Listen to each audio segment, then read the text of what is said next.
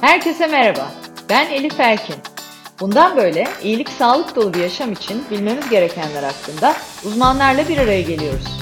Merak ettikleriniz için bana ulaşın, araştıralım, hep birlikte öğrenelim. İyilik sağlık sohbetlerine hoş geldiniz.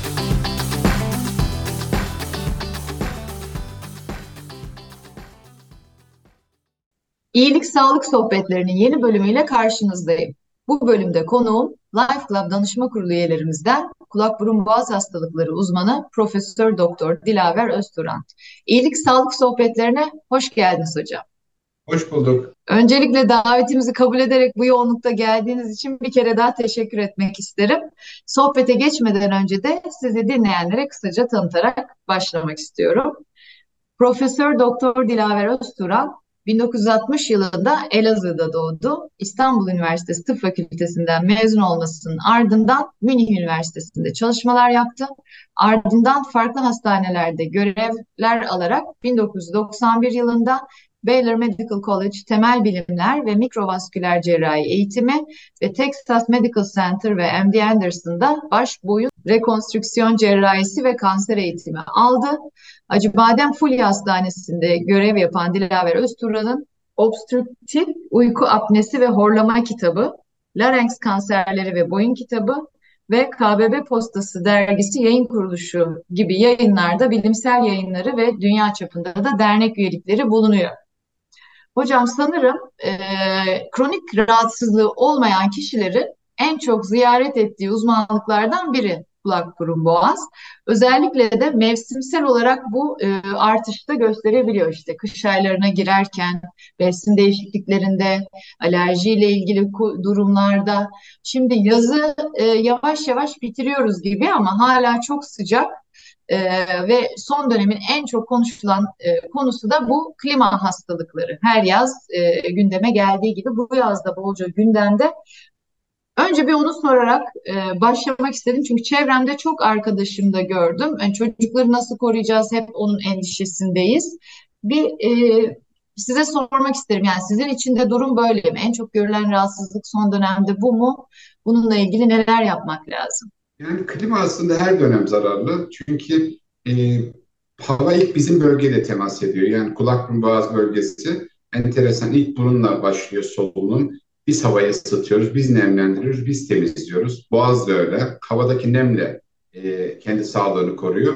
Ama ne zaman işin içine klima girerse klimanın temel soğutma mekanizması havanın nemini alıyor. Yani klimanın cihazından çıkan o damla damla suların temeli havadaki nem. Dolayısıyla havayı kulak burun boğaz ya da insan sağlığına uygunsuz hale getiriyor. Ne yapıyor? Kurutuyor. Kuruyunca burun fonksiyonunu göremiyor. Burun fonksiyonunu göremeyince akciğerin sevmediği bir hava gitmeye başlıyor. Yani ferah uyuduğunuz her ortamda aslında akciğerinizi, burnunuzu, sinüslerinizi kurutuyorsunuz. Şimdi bu işin bir kısmı, bir diğer kısmı maalesef temizlenmiyor. Yani insanlar ne evindeki su deposunu temizletiyor, ne otomobildeki filtreyi temizletiyor, ne klimanın filtresini temizletiyor. Yani klima çalışıyor mu? Çalışıyor. Soğuk hava üflüyor mu? Üflüyor. Ama nasıl bir hava üflüyor onu kimse farkında değil. Dolayısıyla aynı havayı aynı virüslerle dolaştırıp duruyor. Kaldı ki soğuk hava ortamını veriyor. Sevmiyoruz. Klimalı ortamı sevmiyoruz. Yani hani şu eskilerin vantilatör dediği sistem çok daha sağlıklı ya da tavanda öten dönen bir e, vantilatör bile son derece sağlıklı. Dolayısıyla mecbur kalmakça klimayı kullanmamasını istiyoruz. Özellikle çocukların hiç kullanmasını istemiyoruz. Eğer kullanmak zorundaysanız odayı belli bir getirdikten sonra kapatmakta fayda var. Ve bu arada yudum yudum su içip boğazınızı ıslak tutmakta fayda var. Dolayısıyla önermiyoruz. Mecbur kalırsak da dediğim gibi e, mutlaka boğazımızı ıslatıyoruz. Burnumuzu da nemli tutmaya çalışıyoruz. Bunun için burun nemlendirici herhangi bir krem burun içinde sürmekle e, en azından klimanın e, burun içindeki silyaları yani burun içindeki ince titrek tüyleri e, daha fonksiyonelde çalışmasını sağlatmak mümkün. Evet harika. E, yudum yudum su içeceğiz mutlaka. Çünkü hani klima kullanmama gibi opsiyonumuzun olmadığı günlerden geçtik gerçekten. E, burnu nemli tutmayı e, ben de hiç yapmadım şimdiye kadar ama e, aklımızda çok olması bir, lazım. Evet. Eczanelerde birçok burun nemlendirici kremler var. Çok minik evet. bir, parça burnun iki tarafına sürünce burun içi nemlenecektir. Evet. Bir de tabii klimanın temizletilmesi konusu çok hassas. Dediğiniz çok doğru. Su depoları da öyle. Ee, sanki her zaman temiz gibi bir algımız var ama mutlaka temizletilmesi lazım. Klimanın tabii hem solunum e, yolu enfeksiyonlarının taşıyıcı olması sebebiyle hem de özellikle belli bir taraftan esiyorsa sadece bir de o boyun tutukluğu değil mi baş ağrısı farklı farklı maalesef ki e, durumlara da yol açtığını görüyoruz. E, bu klima hastalığı e, yani sonrasında ne yaşıyoruz? Hani ne olduğunda ya bir dakika bu klimadan oldu ve ben şu an bunu yaşıyorum dememiz lazım ve ne yapmamız lazım?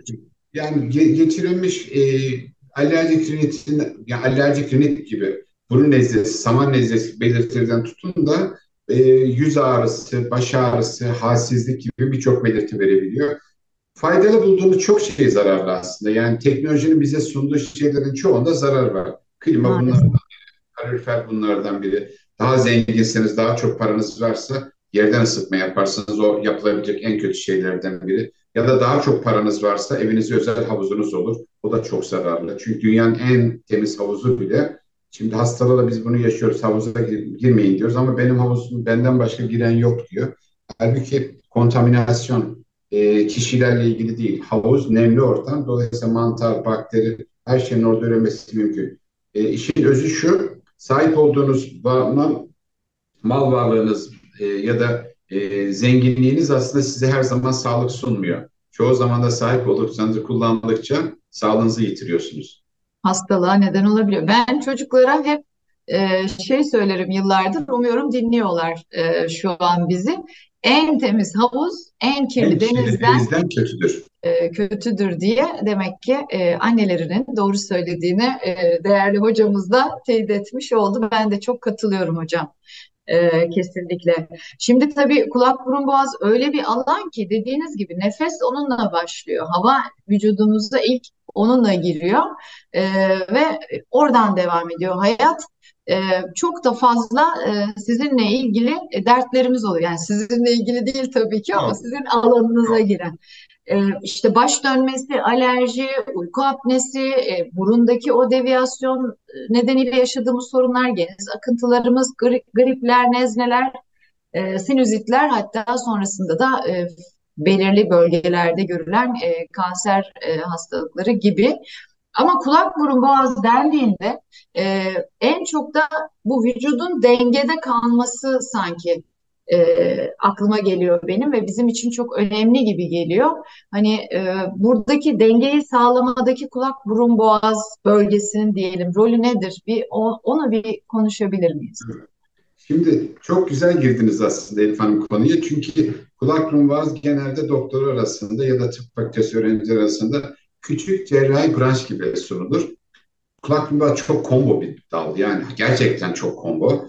Çünkü burun başlı başına bir şey, boğaz başlı başına bir organ. Kulak derya zaten yani işitmeniz, baş dönmesi, dengesiz evet. gerçekten derya. Ses bizde, koku alma bizde, nefes alma evet. bizde, tat alma bizde, işitme bizde, denge bizde.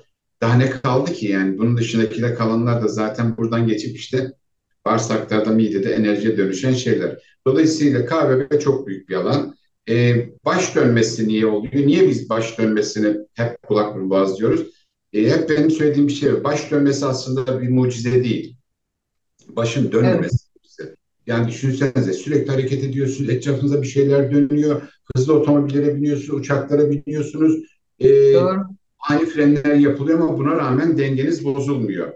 Halbuki bu kadar süreklilik içinde bu kadar yüksek devinim içinde başınızın dönmesi gerekiyor. Ama gerçekten muhteşem bir sistem var. Nedir bu sistem? Kulakta iki tane organımız var. Bir tanesi hepimizin bildiği salyangoz. Salyangoz şeklindeki organ işitmeyi sağlıyor. Bir de her iki kulakta üç tane yarım daire kanal var. Yani bu inşaat ustalarının kullandığı su terazileri vardır. O su terazileri gibi bir sıvı düşünün.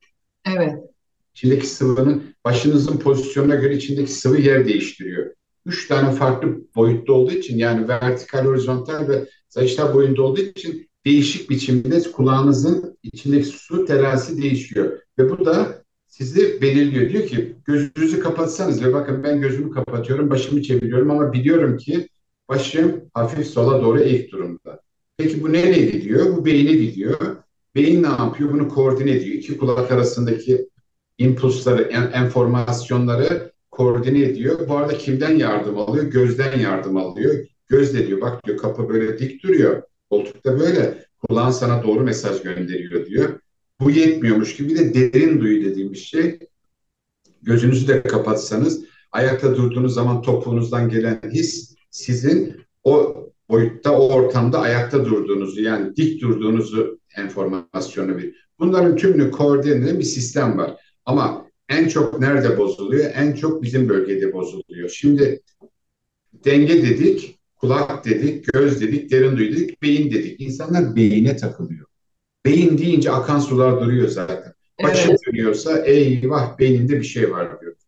Başım dönüyor, bulantı var, kusma var, ortalık darmadan gecenin üçünde kalktım ve bir anda dünya dönüyor. Ben çok çok kötü bir duygudur çünkü.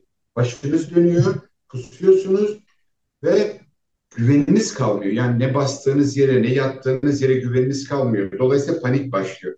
Panik başlayınca akla her zaman en kötüsü geliyor. Nedir en kötüsü? Eyvah benim beynimde bir şey var ve bu beyin evet. ve ben ölüyorum. E, ve ne yapılıyor? Yaka paça toplanıyor, hasta götürülüyor. Nereye? Direkt beyin cerrahisine ya da evet. götürülüyor. Ya da acile götürülüyor. Şimdi acildeki doktorun da aslında yapacağı çok fazla bir şey yok. Çünkü hasta aklındaki en kötü şeyle gidiyor, kliniğe müracaat ediyor. En kötü şeyi bertaraf etmeden de genelde o hastalar rahatlamıyor. Şimdi sükunet içinde karşılamak gerekiyor. Bunu çok anlattım. Daha herhalde çok yıllarca da anlatacağım. Başınız evet. ne kadar hızlı, ne kadar kötü, ne kadar şiddetli dönmüşse bu olay bizimle ilgilidir. Dolayısıyla öncelikle bir kulak uzmanınıza git, uzmanına gitmeniz gerekiyor. Ama genelde tersi oluyor. Hasta yatıyor, beyin MR'ları çekiliyor, görülüyor. Sabah doğru bir tanesi geliyor. İsterseniz bir de kulak burun görüşün deniyor. Evet, en başta kulak burun görüşmesi gerekiyor. Tabii görüşmeden önce kişinin şunu bilmesi gerekiyor. Bir, olay gürültülü başladı, ani başladı, dünyam yıkıldı. Yani büyük bir olay başladıysa başlangıcı bizle ilgilidir. Ama tam tersi yıllar içinde, aylar içinde sinsi sinsi başladı ve her geçen gün minik minik artıyorsa bu daha çok santral patolojidir. Yani beyinle ilgilidir. Ama gürültülü başlamışsa, birdenbire başlamışsa, darmadağın etmişse sizi sakin olun, sükunetle bekleyin ve bir kulak uzmanı, uzmanıyla görüşün. Çok önemli. Tam da dediğiniz gibi yapıyoruz. Yani baş dönmesinde mesela e, aklımıza kulak burun boğaz herhalde en son geliyor. Doğrudan beyine yönleniyoruz. Halbuki son dönemde yine sıklıkla e, duyduğumuz bir e, vertigo e, konusu var. Yani e, o da herhalde en çok baş dönmesi ile karşımıza çıkıyor ya da denge bozukluğuyla. Doğru mu hocam? Onu Orada terminolojide biraz şey yapmakta fayda var. Doğru vertigo, ifade. Vertigo evet. hastalık değil. Vertigo baş dönmesi demek. Vertij. Yani vert, başım dönüyor demek yerine vertigom var diyebilirsiniz. Ama vertigo hastasıyım dendiği zaman iş değişiyor. Çünkü vertigo sadece bir semptom. Hasta ne diyor? Benim başım dönüyor diyor. Biz bunu hemen oturtuyoruz. Diyoruz ki vertigosu var diyoruz. Vertigon varsa bunun sebebini buluyoruz. Vertigo yapan sebepler yani Türkçesi baş dönmesi yapan sebepler. Dolayısıyla vertigoyu bir hastalık gibi isimlendirmeyelim. Vertigo sadece Latince'de baş dönmesi demek. Tamam, Peki, tam, tamamen hastalık gibi kullanıyoruz hocam. Benim için de şu an yeni bir bilgi yani. Vertigon var dediğinde biri e, vertigo hastalığı var gibi düşünüyordum ben de. Semptom demek ya. Baş dönmesinin Semptom. aslında Latincesi. Latincesi. Peki. Peki neler yapıyor bunu? Yani bilmiyorum ben direkt aldım bu konuya ama. Lütfen hocam evet. Vertigo yapan hastalıklar nelerdir diyelim. Vertigo evet. yapan hastalıklar en çok gördüklerimiz iç kulak nezlesi. Biz buna iç kulak nezlesi diyoruz aslında terminolojide biraz daha böyle açıklayıcı olsun diye bunu kullanıyoruz. Akut vestibüler nörit dediğim şey ani başlıyor, bulantı, kusma eşlik ediyor, darmadağın ediyor ve hiçbir şey yapmasanız aslında kendi kendine düzeliyor birkaç gün içinde. Biz ne yapıyoruz? Semptomları baskılıyoruz. İşte baş dönmesini düzeltiyoruz, bulantısını kesmeye çalışıyoruz. Bu bir tanesi. Bu neden olur hocam? İç kulak nezlesi neden İç kulak olur? nezlesi yani Biz niye iç kulak nezlesi diyoruz? Genelde mevsimsel ve böyle bir dönem gelir. Mesela durur durur bir hafta içinde 8 tane, 10 tane, 20 tane görmeye başlarsınız. Diyoruz ki o zaman minik bir virüs salgını var diyoruz. Bu buna bağlı diyoruz. Ama bir başka ekolde diyor ki bu diyor gıda zehirlenmesini tarif ediyor. Daha çok böyle hani çok içildiği zaman alkol alındığı zaman nasıl baş döner bulantı kusma olur. Bunda da öyle ağır metal zehirlenmesi diye tanımlanıyor. Nedir bu işte? Hava kirliliğine bağlı ya da derin e, diplerdeki dip e, deniz ürünleri yani midye, karides, ıstakoz bunlar çünkü ciddi biçimde ağır metal içeriyor. Evet. Sorguladığımız hastalar bunu söylüyor. Hocam 2-3 gün önce midye yedim diyor. Ya da bir gün önce midye yedim diyor. Biz anlıyoruz ki bu ağır metal zehirlenmesi ya da e, hava kirliliğine bağlı olabilir. En büyük sebeplerden stres olabilir. Her şeyde zaten stres ola, olabilir. E, ağır metal, beslenme bozukluğu, yorgunluk, stres bunları yapabilir. Bir de bizim çok sevdiğimiz halk arasında çok bilinen bir baş dönmesi sebebi var. Nedir bu? Bu da kristal oynaması. Şimdi dedim ya iç kulakta üç tane yarım daire kanal var. Bunların ucunda böyle minik şeylerin üstünde minik titrek tüyler var. Üstünde de bir takım kristaller var. Bunlar dağılmış olabiliyor. Şimdi dağılınca ne yapıyor? Serbest mayın gibi davranıyor. Sizin başınız normal durmasına rağmen mesela diyor ki hasta, hocam diyor gayet iyiyim diyor. Yatağa yatıyorum. Başımı sağa çevirince kıyam, dünya dönüyor diyor. Anlıyoruz ki bu nedir? İyi huylu, pozisyona bağlı bir baş dönmesi. Yani kopülolityaz istediğimiz hastalık ama halk arasındaki adı kristal oynaması. Niye seviyoruz biz doktor olarak bunu? İlaç gerektirmez. Tedavisi çok kolay. Manevra yapıyoruz. O serbest dolaşan kristali alıyoruz. Farklı bir yerde yerleştiriyoruz ve artık kişiyi o pozisyona geldiği zaman baş dönmesinden kurtarıyor. Bir başka baş dönmesi yapan hastalık o, o da yine çok bilinir.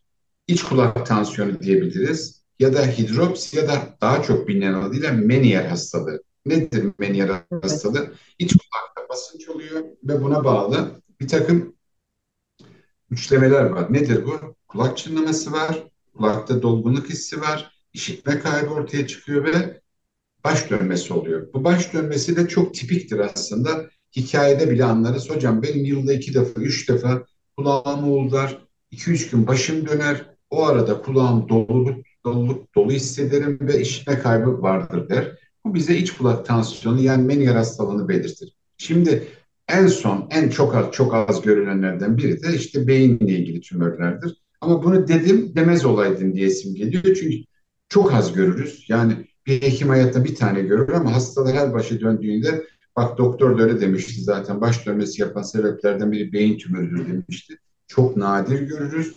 En çok gördüğümüz periferik dediğimiz yani santral yani beyinle ilgili değil periferik dışta kulakla ilgili kısmıdır.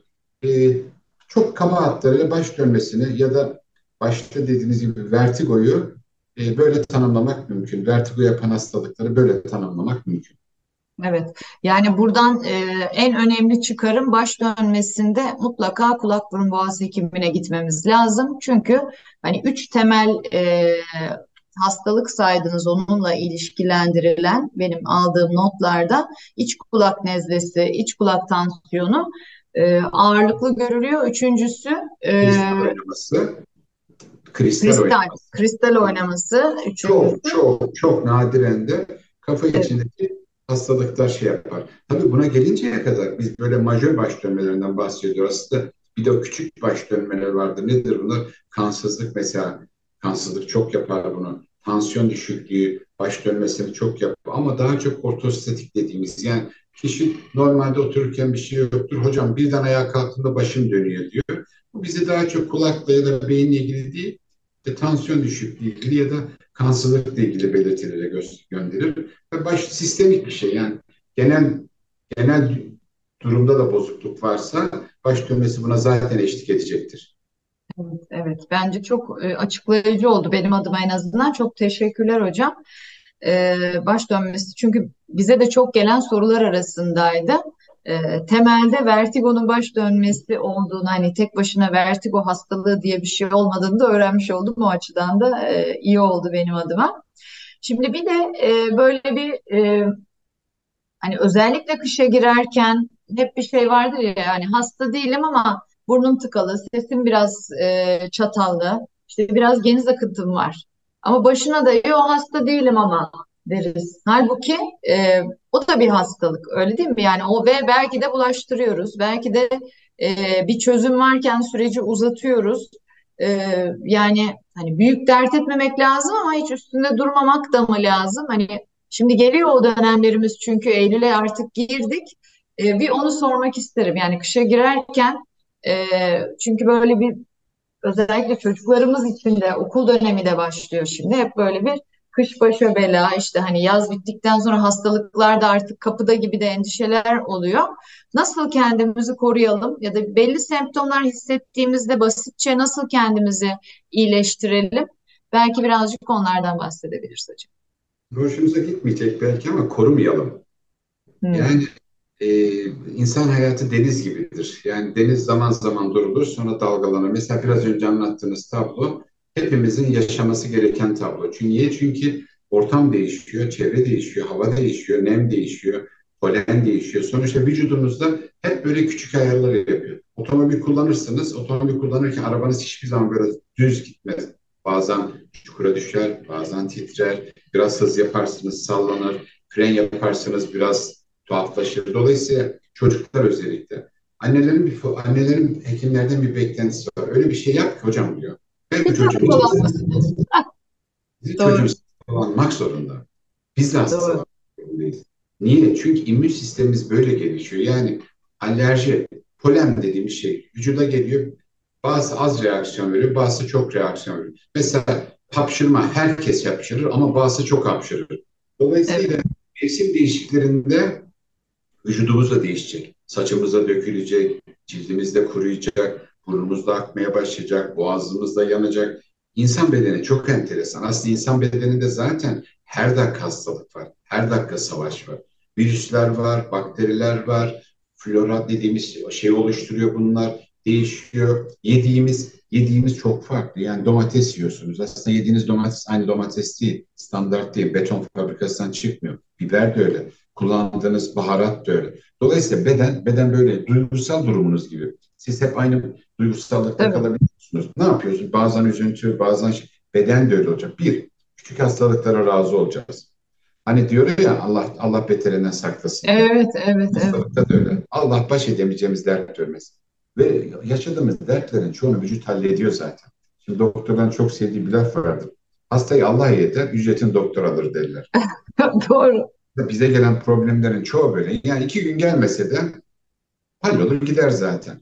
Hani ne zaman hekime gitmemiz gerektiğini bilmemiz gerekiyor ama işte burnum aktı, sesim de değişti biraz. Hemen doktora gideyim. Hayır, bedeninizi tanımak zorundasınız. Mutlaka bilip fark edersin. Ya yorgunsunuzdur, ya farklı bir ortama girmişsinizdir, ya evinizde boya yapılmıştır, ya yeni bir koltuk alınmıştır. Belki odanızda eskisinden daha fazla eski kitap ya da gazete vardır. Dolayısıyla etrafınızı temiz tutmayı becerirseniz her anlamda tabii yani hem bedensel hem duygusal anlamda etrafınızda sadece e, polenleri değil yani polen yaratacak insanlar da uzaklaştırmanız gerekiyor. Kesinlikle o çok önemli. Peki minik şeylere razı olacağız. Yani burnumuzun akmasına, e, hafif böyle halsiz olmamıza. Niye çünkü vücut bunu hallediyorsa? Ateş mesela, ateş de öyle. Şimdi bu adam nasıl konuşuyor diye batı, batı, batı eğitimi almış ama ateşi bile faydalı buluyor. Evet ateşi bile faydalı buluyoruz. Yeter ki sebebini bilelim. Niye söylüyorum bunu? Çünkü bu millet enteresan bir kuşak geçi. En azından biz çok farklı bir kuşak geçi. Ateş varsa antibiyotik ve vitamin evet. ve hemen bir anti enflamat, bir ateş düşürücü verirdik. Bırak. Evet. Eğer vücut halledebiliyorsa halletsin. Çocuk da öyle. Ne olur çocuklarınızı bir ecza deposuna çevirmeyin. Yani çocuğunuzun vücudunda ateş olmamasına, çocuğunuzun vücudunda bakteri olmamasına fırsat vermeyin. Çünkü sizin gereksiz vereceğiniz en küçük basit antibiyotik bile çocuğunuzun ömür boyu bir daha oluşturamayacağı florayı yok etmeye aday. Ee, anlattığınız tablo güzel bir tablo. Mevsim değişikliklerinde olacak. Biz tedbirimizi nasıl alacağız? Biz mesela kış diyorum. Kışa hazırlık. Kışa hazırlık için mucizevi 100 dolar, 200 dolar verip böyle kutu kutu vitaminler almanıza gerek yok.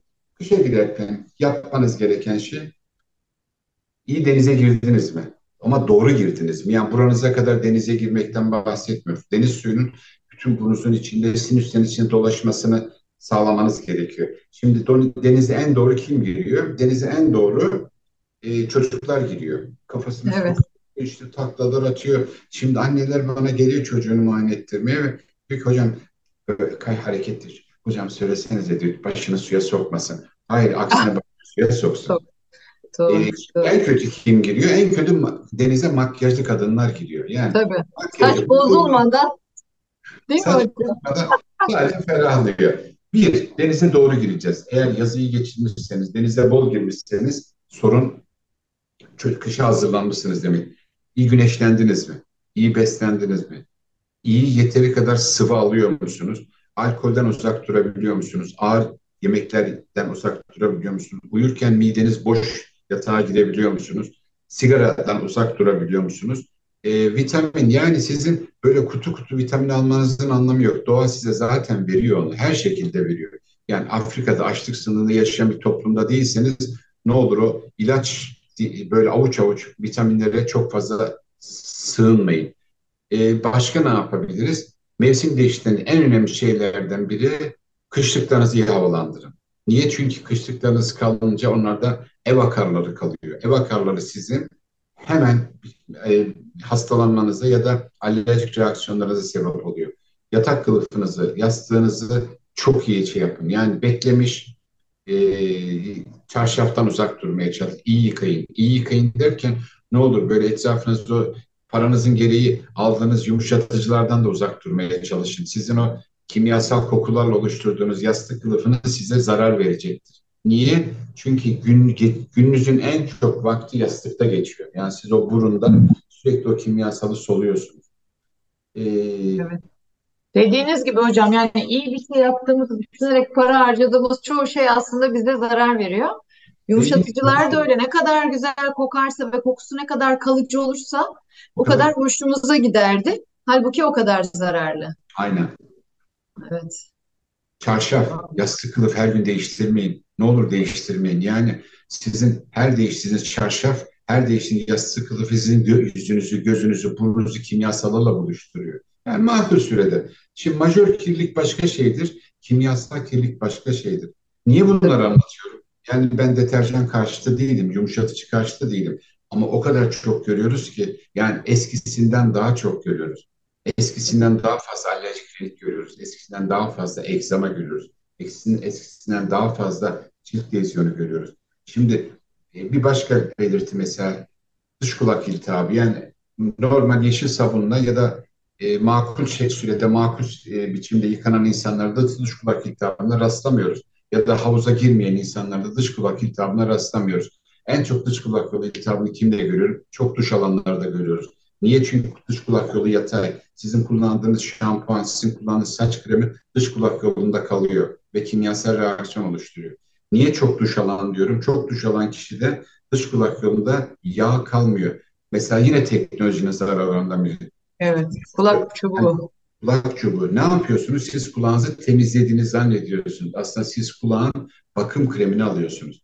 Çok havuza girenler, çok havuza girenler, çok denize girenlerin dış kulak yolunda o yağ kalmıyor. Bir de siz yetmiyormuş gibi pamuklu çöple onu temizliyorsun. Dış kulak yolu vücudun en ince ciltlerinden biri ve çok kolay biçimde dış kulak yolu zedeleniyor. Yani bir hekimin e, tedavi etmesi gereken şey dış kulak yolu iltihabı olmamalı. Bir hekimin anlatması gereken şey dış kulak yolu iltihabı nasıl olunmaz olmalı. Yani esas görevimiz bizim koruyucu hekimlik. Şu anda evet. yaptığımız da o. Yani siz niye e, böyle bir organizasyon içindesiniz? Hastalar, hasta ol, insanlar hasta olsun, bize gelsinler. Biz onların dalaklarını alalım, midelerini alalım, akciğerlerin yarısını alalım şeklinde değil. Siz insanlara Tabii. basit yaşamayı ve hastalıktan korunmayı öğretiyorsunuz. Amaç bu evet. zaten. İyi evet. yaşamın sırrı bu. Yani paranız çoksa çok şampuan zararlı, paranız çoksa havuz zararlı, paranız çoksa çok pamuklu çöp kulağınız zararlı, paranız çoksa pahalı prolar içmek zararlı, paranız çoksa pahalı viskiler içmek zararlı, paranız çoksa çok yemek zararlı. Dolayısıyla bedeninize iyi davranın. Bu dünyada bir tane dostunuz olacak. O da bedeniniz. Ne ananız, ne babanız, ne çocuğunuz size hayat boyu eşlik etmeyecek. Zaman zaman buluşacaksınız ama bedeninizle hiç ayrılmayacaksınız. Ne olur bedeninize iyi davranın. Bedeninize yük taşıtmayın. Bedeninizi kimyasallardan uzak tutun. Temizlik uğruna bulaşıklarınızı böyle kat kat bulaşık deterjanlarıyla yıkamayın. Yani sizin o bardaklarınızı parlatan mekanizma aslında temizlik göstergesi değil. Onun içine konan ayrı bir kimya sizin bardağınızı pırıl pırıl gösteriyor. Dolayısıyla daha bir daha bir, daha basit yaşamak zorundayız. Evet. Aslında daha basit. akıllı olmamız lazım. Yani tüm söylediklerinizden hareketle. Bir de tabii e, şeyi söylediniz ya yani beden de duygular gibi inişli çıkışlı. E, biz onu hiç kabul etmiyoruz. Doğru yani duygusal olarak bu iniş çıkışlarımızı kabul ediyoruz ve e, olabileceğinin farkındayız ama bedensel olarak bir şey olduğu an hemen e, hastalık ve hemen müdahale veya bir problem var düşüncesi e, aklımıza geliyor. E, şimdi artık benim bakış açım e, biraz değişti hocam. Yani evet mevsim değişiyor, benim böyle hissetmem normal.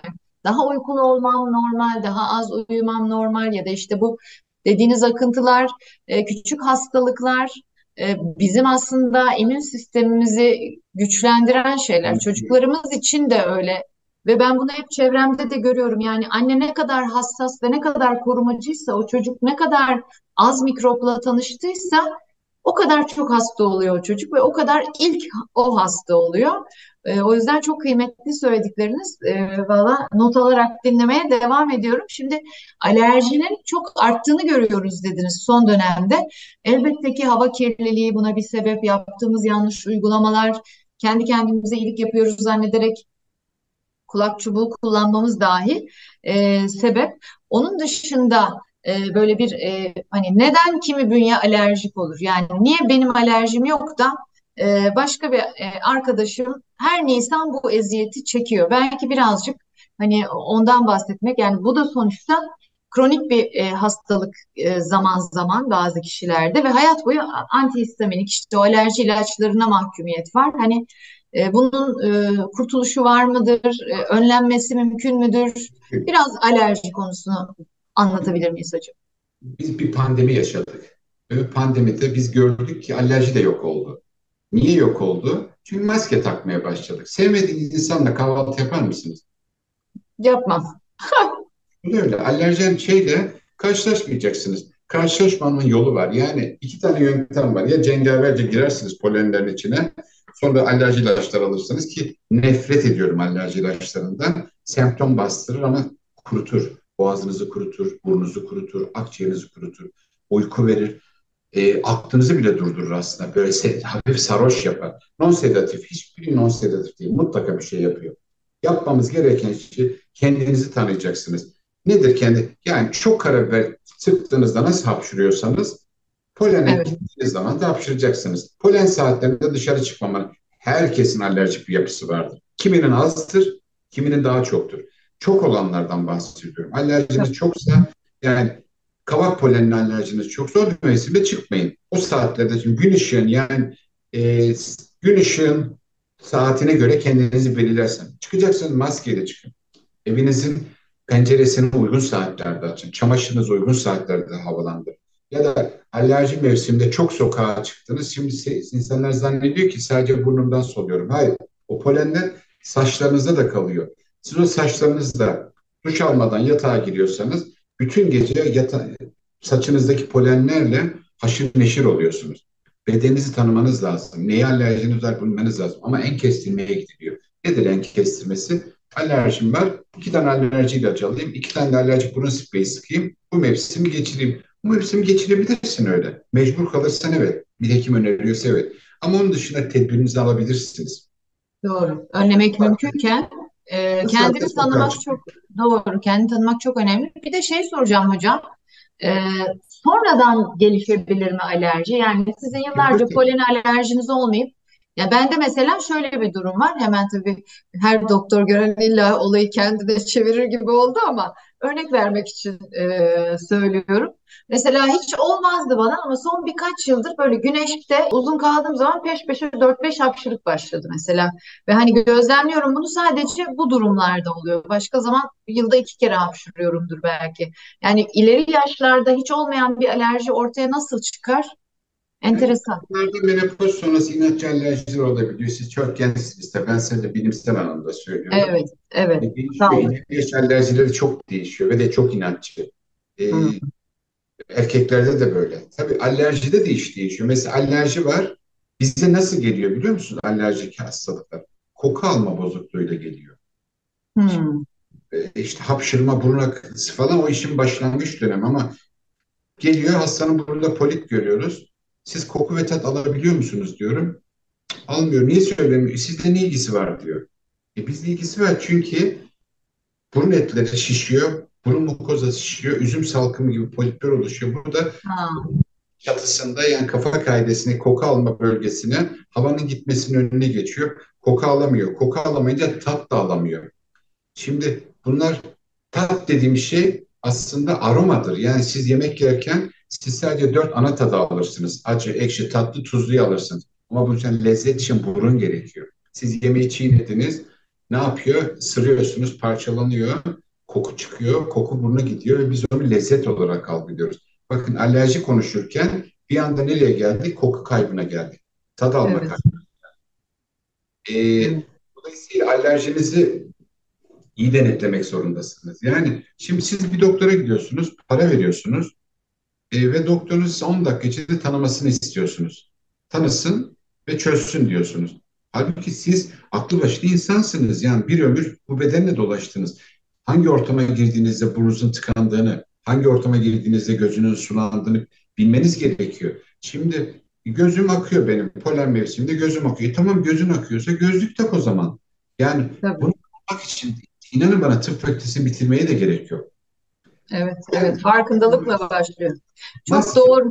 Çok doğru. Evet, maske maske. tanıyorduk. Yani biz hekimler hep maske takıyoruz ama pandemi döneminde insanlar maskenin ne kadar işe yarayan bir şey olduğunu gördü. Hani biz uzak doğuları görürüz ya uçağa bindiği maskeliydi. Hala maskeliler onlar. tabii. Niye? Çünkü hem kendini koruyor hem etrafındakini koruyor. Şimdi siz hastayken çocuğunuzu okula gönderir misiniz? Genelde göndermeyin derler değil mi? Tabii. O gönderiyor. Gönderirken çok basit bir tedbir. Bir maske takıp göndermeye çalışın. Yani En maske. Artık çocuklar bunu da biliyor. Dolayısıyla her şey sizde başlıyor. Sağlığınız, burun sağlığınız, boğaz sağlığınız, ruh sağlığınız her şey sizsiniz. Lokman Kesinlikle. Hekim'in dediğine geliyoruz. Lokman Hekim diyor ki yediğin içtiğin ilaçtır diyor.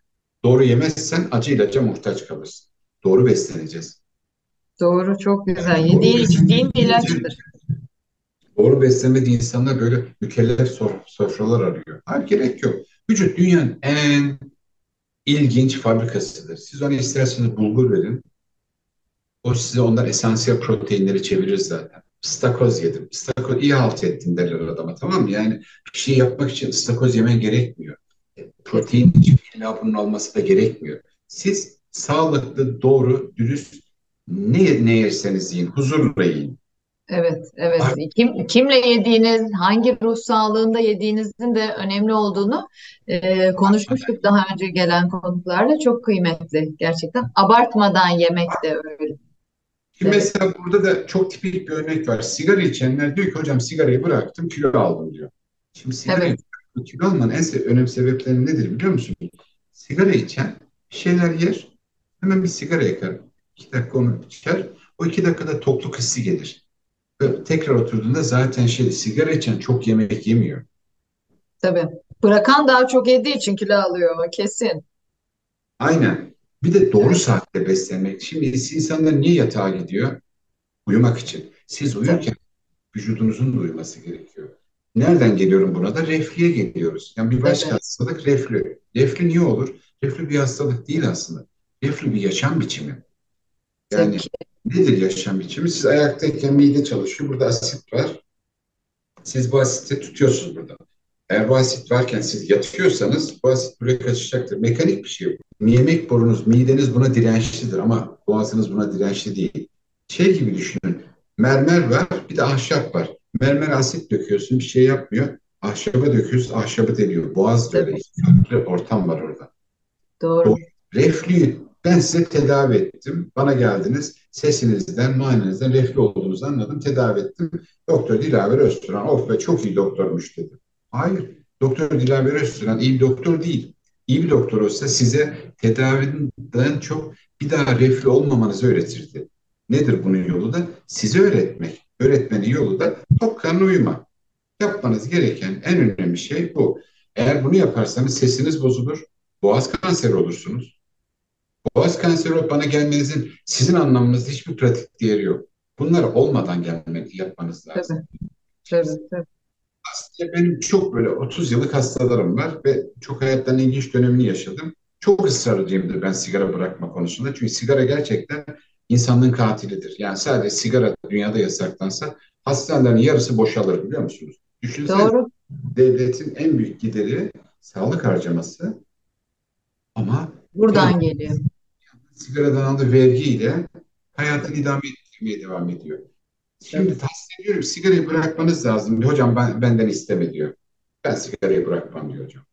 Bir yıl sonra geliyor yine diyor. Ben aman hocam diyor. Aman hocam bir keyfim o diyor. Tamam. Aradan beş Evet. geliyor seslerinde küçük bir şey.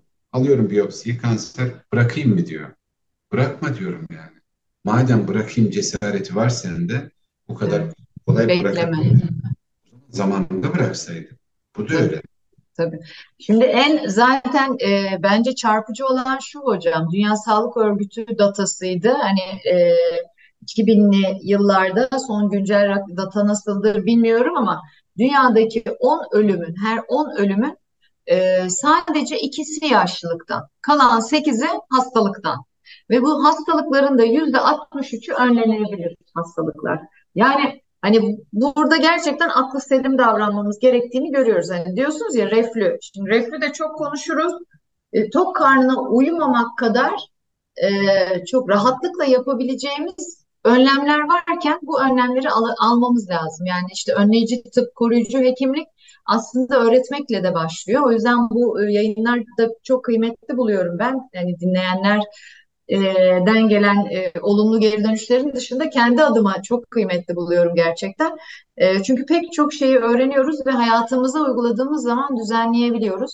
Gelen her uzmanımızın da mutlaka ama mutlaka altını çizdiği bir konu var ki farkındalık, farkında olmak, kendimizi tanımak. Yani hem ruhsal olarak kendimizi tanımak, e, hani e, her sabah 5 dakika kendi kendimize kalıp bir ne hissettiğimizi bir yoklamak hem de sizin dediğiniz gibi bedensel olarak tanımak. Aslında çok mantıklı. Yani ben biliyorsam ki polen beni rahatsız ediyor e, veya işte benim için de güneşe ilk çıktığımda belki onu farklılaştırarak çözeceğim aslında. Yani o, o ilaçları kullanmama gerek kalmayacak. Valla çok çok teşekkür ediyorum. İyi ki geldiniz. Müthiş bilgiler oldu. E, paylaşmak için sabırsızlanıyorum ben. Ama son sorumuza geldik. Daha e, umuyorum ki sizi çok da konuk alırız. Çok konu var çünkü kulak burun boğaz dendiğinde aslında üç farklı uzmanlık gibi e, bence birbiriyle tabii ki çok ilişkililer ve yani yolları birleşiyor ama e, her birinin çok e, büyük alanlar olduğunu da düşünerek e, buraya gelen her konuğumuza son soru aynı e, soruluyor. O da şu, siz e, eminim ki e, söylemiyle eylemi bir olanlardan olduğunuz için çoğunu bahsettiniz zaten ama bir şöyle özetle sizin iyilik sağlık rutininizi merak ediyorum hocam. E, siz neler yapıyorsunuz? Söylediğiniz her şeyi uyguluyor musunuz diye bir e, Uyguluyorum gibi. Ee, sigara içmiyorum. Bence hayatımdaki en olumlu şeylerden biri bu. Kesin. spor yapıyorum. Geç yememeye özen gösteriyorum. Çok yememeye özen gösteriyorum. Zararlı olduğunu bildiğim şeyler, içecek ya da yiyeceklerden uzak durmaya çalışıyorum. Ee, bedenime iyi davranmaya çalışıyorum. İyi uyumaya çalışıyorum. Ee, ve de olabildiği kadar kuru ortamda uyumamaya çalışıyorum. Çok denize giriyorum. Ee, hı. ve doğru denize girdiğime inanıyorum. Ben burnuma, genzime deniz suyunu çekmeye çalışıyorum. Başka ne yapıyorum? Üretiyorum.